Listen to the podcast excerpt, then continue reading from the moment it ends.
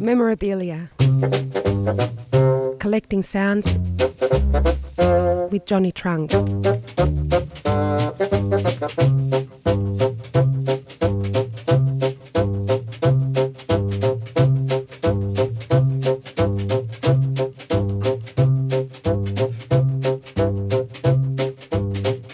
From an early age, I was taught that somehow if you buy a new thing, you lose your money. It sounds strange, but my parents always said if you buy something new, you lose money as soon as you buy it. Like if you buy a brand new car, you know, for 10,000 euros, as soon as you drive it out of the showroom, it's worth 6,000 euros.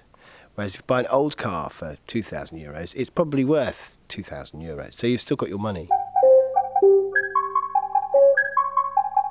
The collecting thing just came from seeing my parents do it. I think my mum used to collect jelly moulds, you know, moulds to make jelly in. It was all happening in my house, so I think that's what I wanted to do, really. Or not, I didn't know I wanted to do. I just decided to start doing it when I came across something that I thought, yes, I want these, which was records.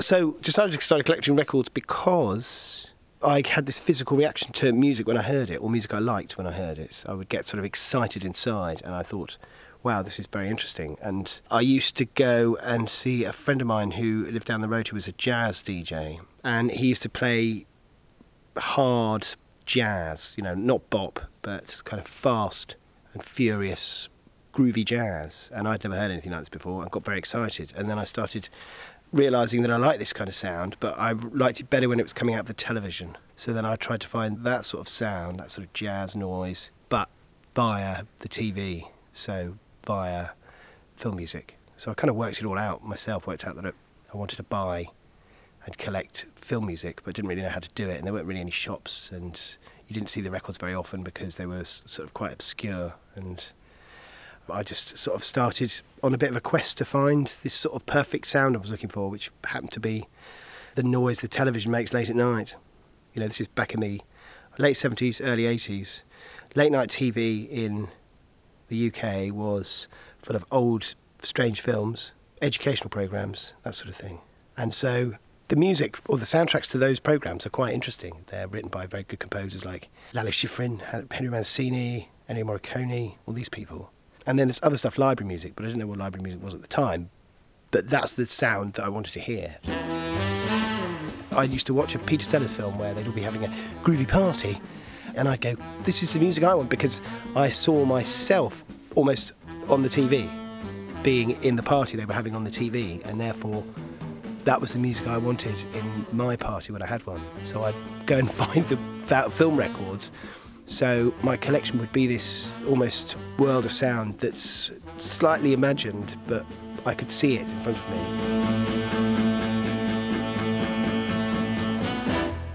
I started realizing I'd become a collector when the records start taking over the space that you've allocated them.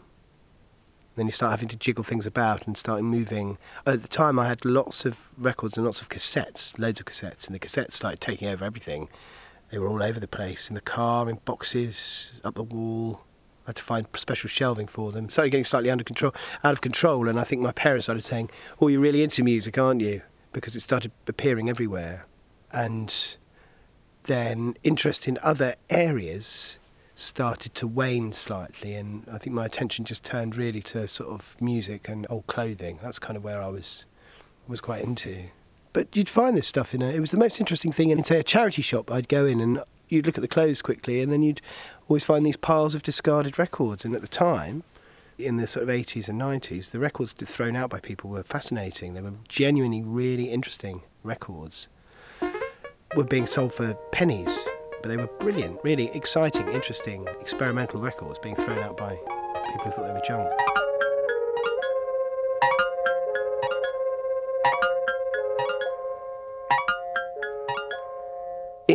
My case, the sort of exploration of music was surprisingly social because I used to work in, I worked in a pizza restaurant and I used to take the cassettes I'd made into the pizza restaurant, and I used to be the washing up person in the in the. And we used to play the tapes while we were washing up, working in the kitchen, and then eventually the tapes I was playing were so much fun they they were using them in the restaurant themselves, and then people would come in and go, "Hi, there's a bloke on table six who wants to know what's playing on the cassette at the moment because he doesn't know what it is and would like to know more about it and this sort of thing." So it was actually then I was sort of realizing that it was quite good fun finding music and then playing it to people who then go, there's a lot of pleasure to be found in finding music, playing it to people, and them going, "Wow, what's this?" And you go, "Oh, well, as it happens, I found this at a charity shop, and it's or, or this is this person playing this, or this is a cover version of this, or this is music from a funny film called this." And yeah, I, I actually can't help myself but sharing information when I about music when I found it. So no, it wasn't solitary at all. It was sometimes solitary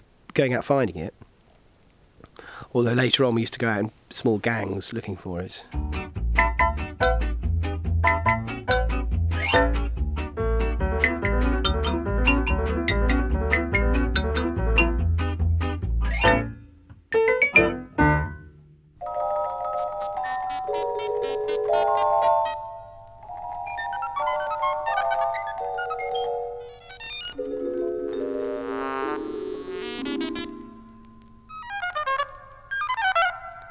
Library music to me was something that I knew I wanted to find out about, but I didn't know what it was. So I discovered there was a film music shop in London, which I used to travel up and go to.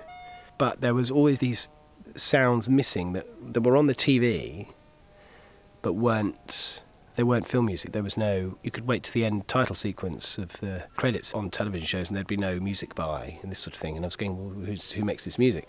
So I spoke to record shops no one knew what this music for the background on late night television seemed to be.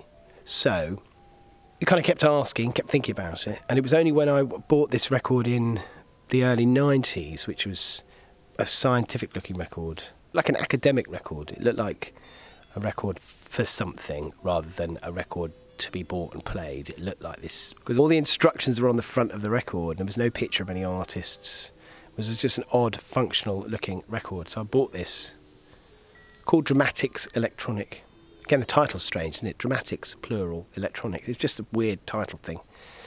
And all the titles of the, the tracks were scientific, microbe, space probe, nuclear wash. And I thought, I don't know what these, what's going on here. It looked like an experimental electronic record, but it didn't at the same time because it had trumpets on the front. So got it home, listened to it, realised there was a connection between this unusual music and the unusual music I'd been trying to find. And so the LP was issued by a company called Bosworth Backgrounds was the label, but it was the Bosworth Library Company. So I just went round to see them because their offices were in just off Regent Street, near Oxford Street. So I just turned up and knocked on the door and walked in and saw these funny old office full of old sheets of music sheets and scores and piles of old 78s and lots of dust and some quite crazy people. And just went to speak to them about it. And there was this guy in there called Howard Friend who'd been in the music library business for most of his life who just explained to me what it all was and just said, What's this? And just explained to me brilliantly what library music was. And so I went, Right, okay. And then they gave me some library records so I could go away and listen to more library music. And that's when it all began, really. This sort of found it library music. Wow, interesting. And the great thing about library music for me was that it wasn't available and you couldn't get it, you couldn't buy it. It was only, it was this weird thing pressed onto vinyl given by the library companies to broadcasters. And there were no there was no way broadcasters were going to give you that record or sell you that record or it was odd, you know, the whole scene was completely out of sight and I find that very interesting found it surprisingly exciting. It's almost like a red rag to a bull, you know, to a collector to try and start collecting something impossible to get is just fantastic. It's like, bring it on. So that's when I discovered what library music actually was and what the title of it was. And then could start kind of sniffing it out. And then all these, um, it's like a jigsaw puzzle in my head started to f- assembling itself. Ah, that music from that TV show then that I used to like no wonder there's no soundtrack to it because it was just a library record and so on and so forth.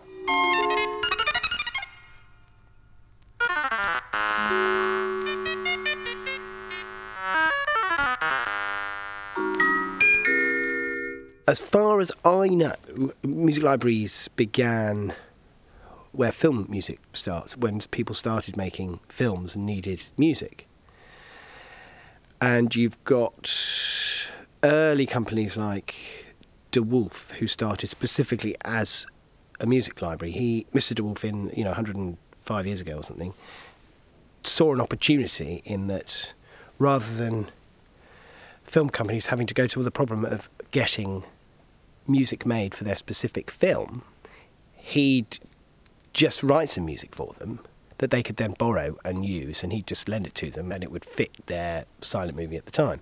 And that's what he did. He used to get short ditties made for silent film, and then run it around to the film companies and say, "Look, I've done a comedy bit. Do you want to use this? You can use it in any bit of comedy you want." And they go, "Yes, we'll use that." And so that started. Other libraries then saw what he was, or other publishing houses like Chappell, and these are companies that used to print music, and to a certain extent rent instruments to people and things like that. But very large old companies in London then also started seeing what De Wolfe was doing and started their own libraries as well. So it began as these companies who'd get music made onto, I think it's strips of film, like soundtrack bits of film, loops of music on film, and sell them to the film companies. And then as both industries grew up, the music industry and the film industry grew up, it got slightly more sophisticated, and the music got slightly longer, and the pieces got longer, and then they'd start recording classical pieces that were sometimes out of copyright or in the public domain,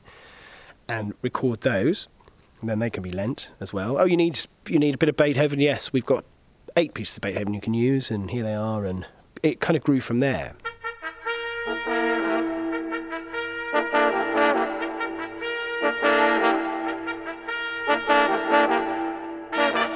Then eventually, as the studio technology changed and recording technology changed, shellacs were made, and you'd have one library track on one side, one library track on another.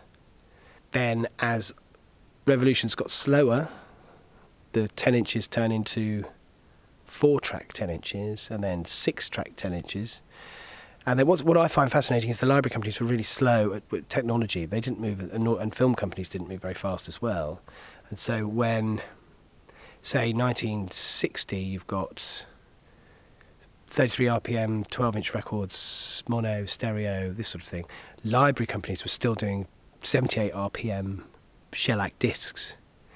Even by the late 60s, by 67, 68, you've still got companies like De Wolfe making 10 inch records on 33 RPM.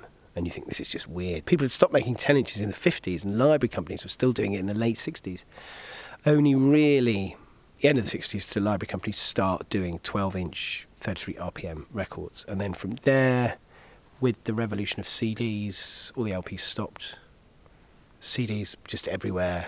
And then CDs sort of stopped or started being phased out about six or seven years ago when the bigger libraries were putting all their entire catalogues onto hard drives and then giving the hard drives to television companies and saying our entire catalogue is here.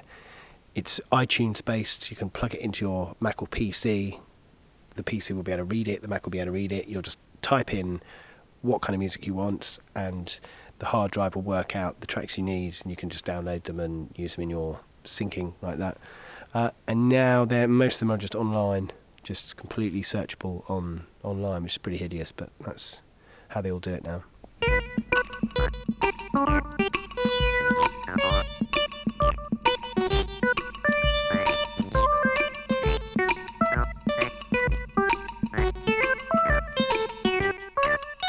For collectors, library music is ticks an awful lot of boxes. If you want to be weird, you know, it ticks loads of boxes. I worked in Portobello Road for about six years, in antiques and you realise that there's all these little niches of people collecting just this particular sort of pottery or this country's sort of output of ivory or this kind of art or things like that. And most obsessive collectors are, you know, what they're after is stuff that's hard to find, is a little bit strange. And this is all library music to me is that in music. It's just odd. It's not like any other kind of music. It's difficult to get there's no information about it anywhere. There aren't books, there aren't encyclopedias, there's no reference. It's all word of mouth. All the people I was hanging around with at the time were into it, and we didn't know what we were doing or what was going on. You never know where they're going to turn up. They're quite valuable, and lots of people don't know how valuable they are, which is another great thing. So you can get them for not a lot of money and sell them for a lot of money, which means you can buy more. So it ticks huge amounts of boxes for collectors.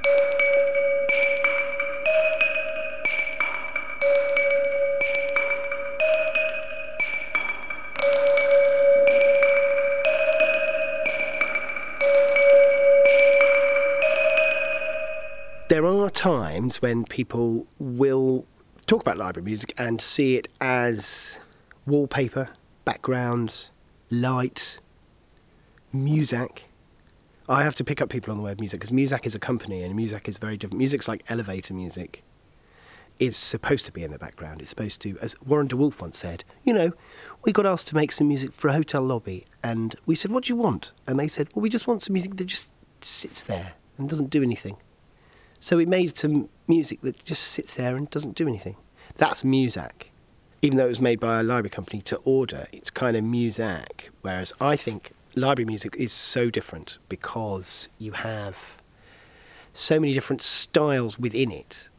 And a lot of the time it's made for quite interesting functions. So, for example, there'll be dramatic music when it's made well, is unbelievably dramatic. And that doesn't sit in the background of anything. Wherever you put it, it just doesn't sit in the background.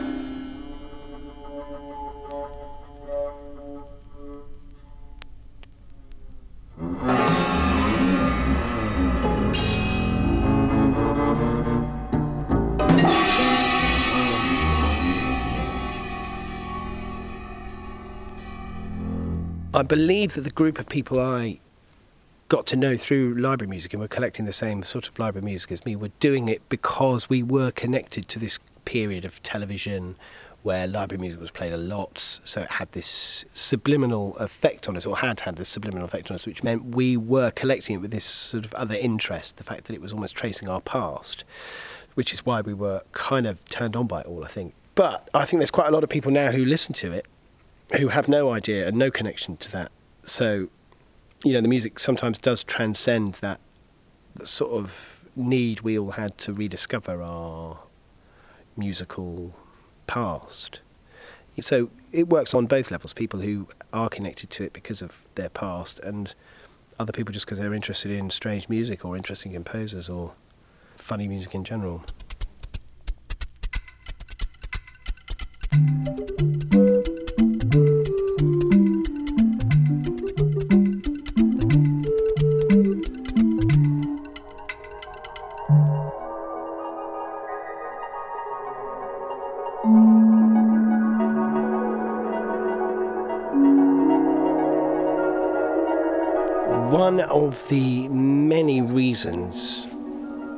I still enjoy finding and listening to library music is because it is incredibly unpredictable and musically very unpredictable. And you have this standardized way that library music was made. It was made to be functional for specific purposes. So, for that reason, there are a number of recordings, an awful lot of recordings, that are purely functional, purely set in a period to sound like a certain thing. Whether it's a light bossa nova or a soft rock or a gentle, easy listening sort of sound thing which I quite like. Some of it's beautifully played, and every now and again there'll be this sort of magnificent, lovely, easy listening track that is not like anything else. And similarly, there's a large part of library music which is not like that at all because it's the composers were told to do things, and sometimes they weren't, and sometimes they were just working off their own imagination. And that is a strange musical cocktail that, that sort of brings in curveballs every now and again that equal musical madness or musical oddities or the kind of music you've never heard before.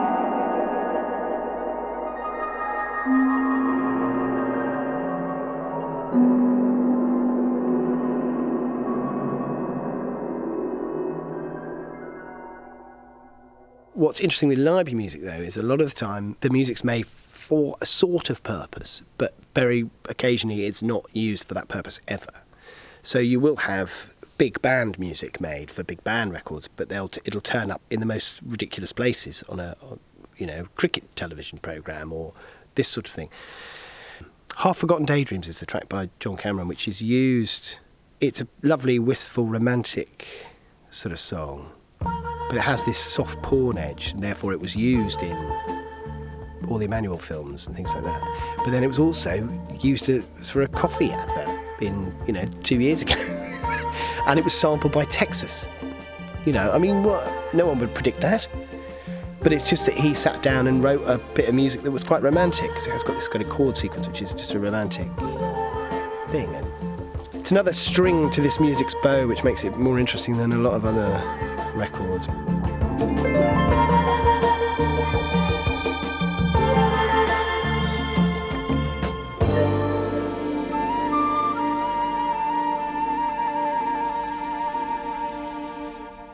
In the UK, certainly in the period we're talking about, there are a set of libraries and they all had kind of their own identity. So you had, they all looked different. So we had almost different colours, like KPM would be sort of brown and green.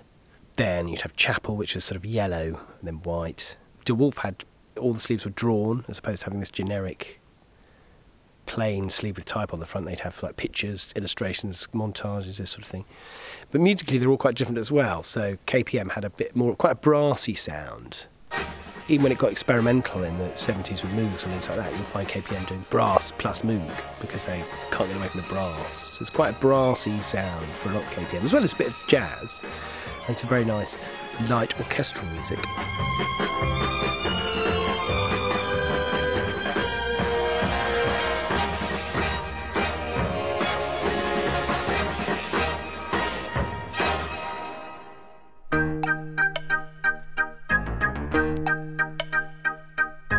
You've got companies like DeWolfe, who I think DeWolfe are interesting because they're slightly quirky and a little bit kooky and slightly mad. So a lot of their records have this funny thing going on, a good sense of humour in DeWolfe. Some of their titles are very funny and some of their illustrations to the library records are pretty crazy. But so very clever, interesting library and a lot of very classy jazz on KPM as well as, you know, good.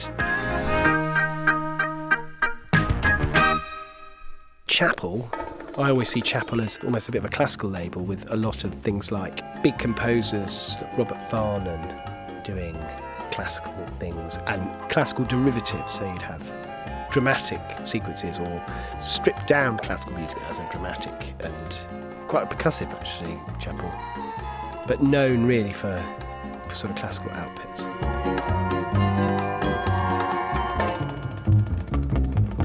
along comes someone like Studio G in the early 70s who realised that maybe some of those libraries were a bit tired or were a bit boring. So he kind of came in and did full colour sleeves with full, bright, made them look like pop records in some respects.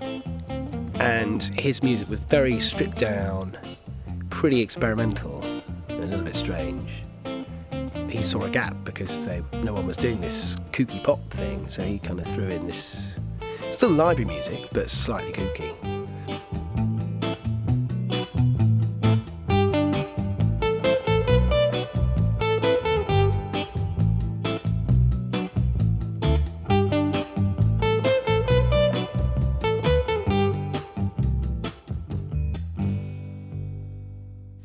In Europe, you have libraries like Musique Pour l'Image, which has an output of maybe 40 albums, which were very good, very jazz based to start with, really jazz, like Martial Solal, proper jazz trio.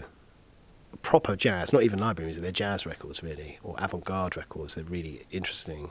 And they have a, there's one famous album called Music for an Extraordinary Voyage by Vincent Geminiani, he makes his own instruments. He's a bit like Harry Partch. He makes his own instruments and does this extraordinary record, which goes from being wistful and beautiful to sort of percussive and menacing and very experimental record. And I think some of those recordings were licensed in by Musique Pour l'Image from proper jazz records and proper experimental avant-garde records, and then repackaged as library records.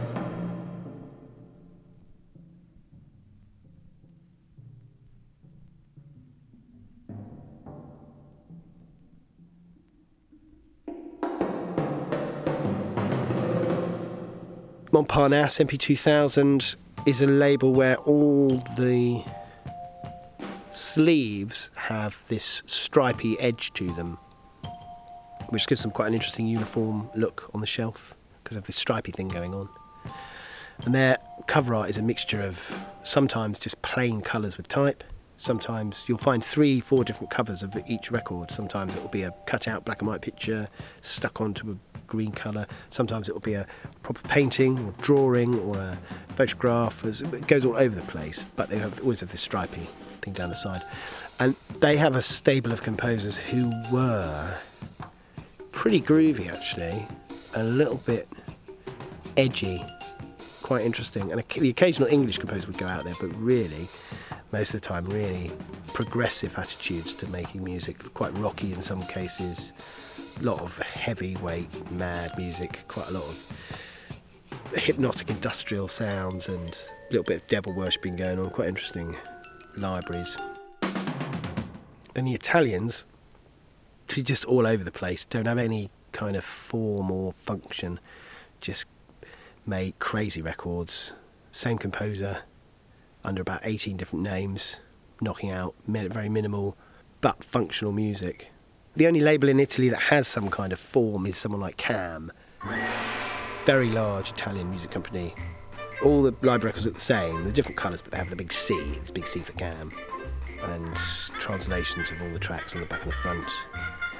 Some of it's film music as library music, some of it's library music that turned into film music, but it's just the classic composers from Italy, you know, Morricone, Alessandroni, Bruno Nicolai, Danny Bertucci, Bruno Maderna, all these different composers just turn up all the time, have a bit of a laugh, whether it's just on their own, with a duo, with a trio, with a quartet, sometimes just with a moog.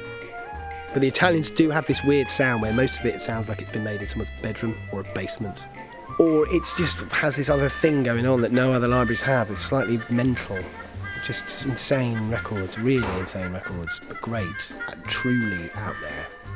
And that's why I think probably in the world of collecting library records, the Italian ones are the ones that lots of people really want because they just so unlike anything else. Amazing things. So that's sort of a bit of a whirl, whirlwind tour of library music.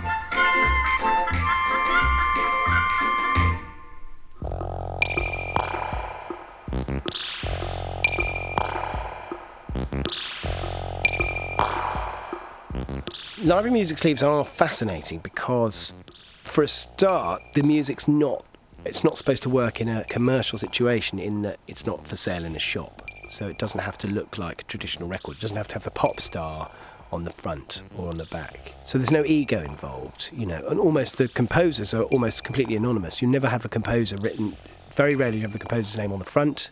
Sometimes it's on the back, but it's only as a credit. It's not like the bands don't need that kind of help in this situation. It's, the records are made purely for function, so they do look functional. So for a start, you have them all having these identity, like the KPMs will be all green, for example. So the editor or the person making the TV who needs the library music knows, ah, KPM's perfect for this job. I'll just go to the KPM section in the library and looks on the back where all the clues are there for whatever he's looking for. As the time rolled on and the music started getting more interesting and diversifying, then the library started getting a bit more creative with the covers. But again, this is music for function, so they didn't really need to get in anyone particularly good at the art. And as a result, you get this amazing thing going on where you have these non artists making covers for records that aren't meant to be sold, which is just sets up this interesting situation.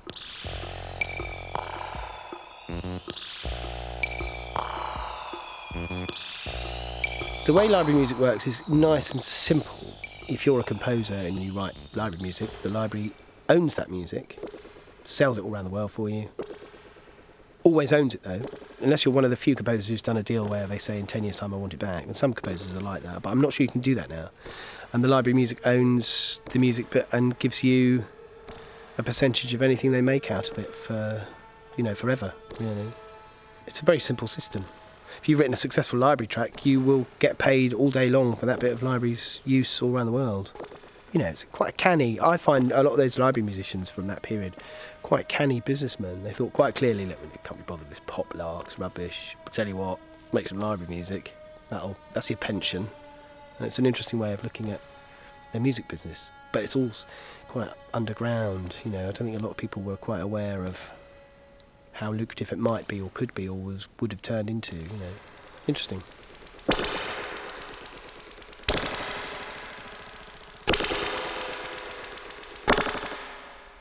Because library music is not supposed to be for sale, it's quite difficult to buy. So originally in the early 90s, you'd go knock on library companies' doors and go, hello, got any library records you want to get rid of? And they go, yeah, that old stuff, there it is over there, have a, have a go at that. You could go to DeWolfe, and DeWolfe had a warehouse, and you could buy records they'd have for five pounds. They say well, each one's a five pounds. So you could go and buy loads of DeWolfe records, any ones they had doubles of or spares, or they boxes of old records. Or you'd hear about a television company throwing them out, or you'd come across a load at a hospital radio station, or you'd go and it depends what kind of a person you are. If you really wanted library music, you would go out and knock on doors and go and speak to sound companies, to schools, to editing suites, anyone you could think of who might have library music. You'd go knock on the door and go, "Hello." I'm doing a project. A mate of mine, Joel, used to go, Hi, I'm, I'm working on a music project. I'm wondering if you've got any records. And they'd go, Yeah, I've got some out the back yeah, nobody wants them. No one's touched them for 20 years. They're annoying. We could do with the space. Just go and get them. So that sort of thing happened. So there's a few people who go out and knock on doors. And then these days, they are quite valuable. Some people don't realise how valuable they are and still throw them out if they, you know, have a load. Just chuck them out. Anyone with a, any knowledge of how to look up the value of anything online can look up a library record now and see it's worth a bit of money. So now some people are going, we have these 150 library records out the back. We know they're worth a bit of money. Who wants to pay for them, or who wants to? There's quite a lot of business online for library records. But then this time last year, I was phoned up by a guy from Record Collector magazine who said, "Oh, hello, uh, my friend runs a hospital radio company, and they need some money, and they've got." You know, 300 library records that they don't want. Do you want to go and buy them? So I went, all right, yeah, fine. I went to look at them and made them an offer, and you know, it was a charitable donation. I just bought them for a reasonable amount of money. Otherwise, there's quite a lot of business on eBay, forums, Discogs, the usual places where people buy library records. But you know what everybody's waiting for is a like any record collecting scene, you're just waiting for a sort of lucky break where you can get. Had a few over the years, and the best one was Yorkshire TV, where they let me take away about 900 albums from their library that were going to be thrown out all the libraries involved were told the library was being closed and that they could come and get their records. A few of the companies came and got their records, but there was still probably two and a half thousand library records there that anyone could come and get. And I managed to get, yeah, about 900. And I had to leave an awful lot behind because I didn't have room for them. I Didn't have enough in the car, but there were lots still there.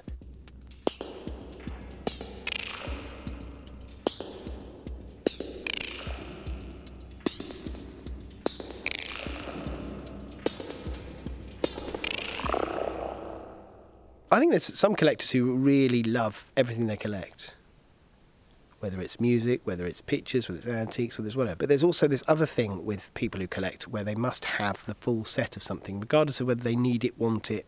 They just have to have the full set, so it ticks all the boxes, whether they really need the whole set or not, and they will pay top money to get the whole set. Once they've got the whole set, they can then move on to the next thing. Apart from a need to complete the whole set, there's no other thing going on, not really into the music or whatever. It's just a fad that they're going through. I think there's definitely some of that going on in all collecting scenes. But for myself, I think it's just I'm constantly just looking for something that's interesting that I can use.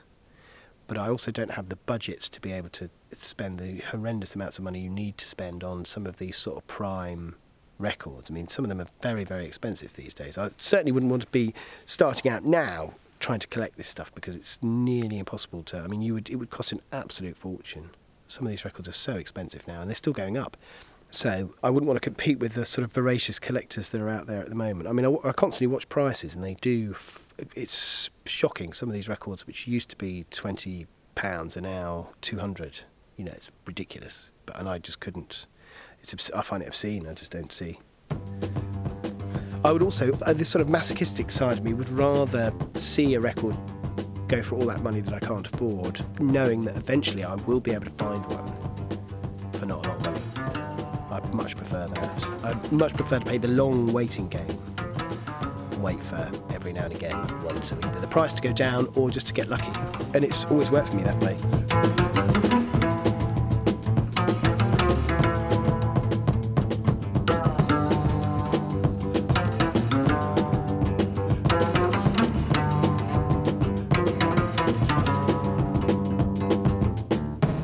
So the collection at home, if you start with the library records, there's probably between 1,500 and 2,000 library records, I'd say.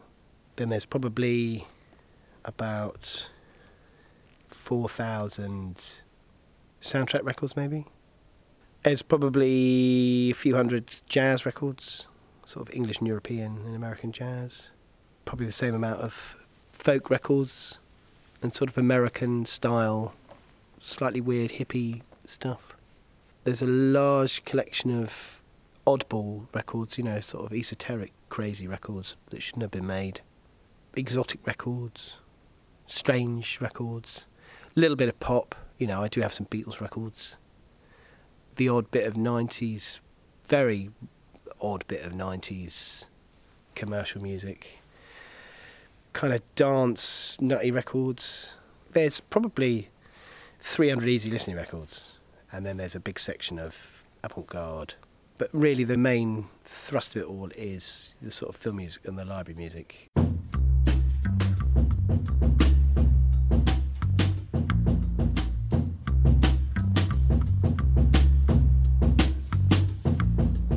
We say I don't have a database, and I said it's not been database, but I, in a funny way, can remember everything.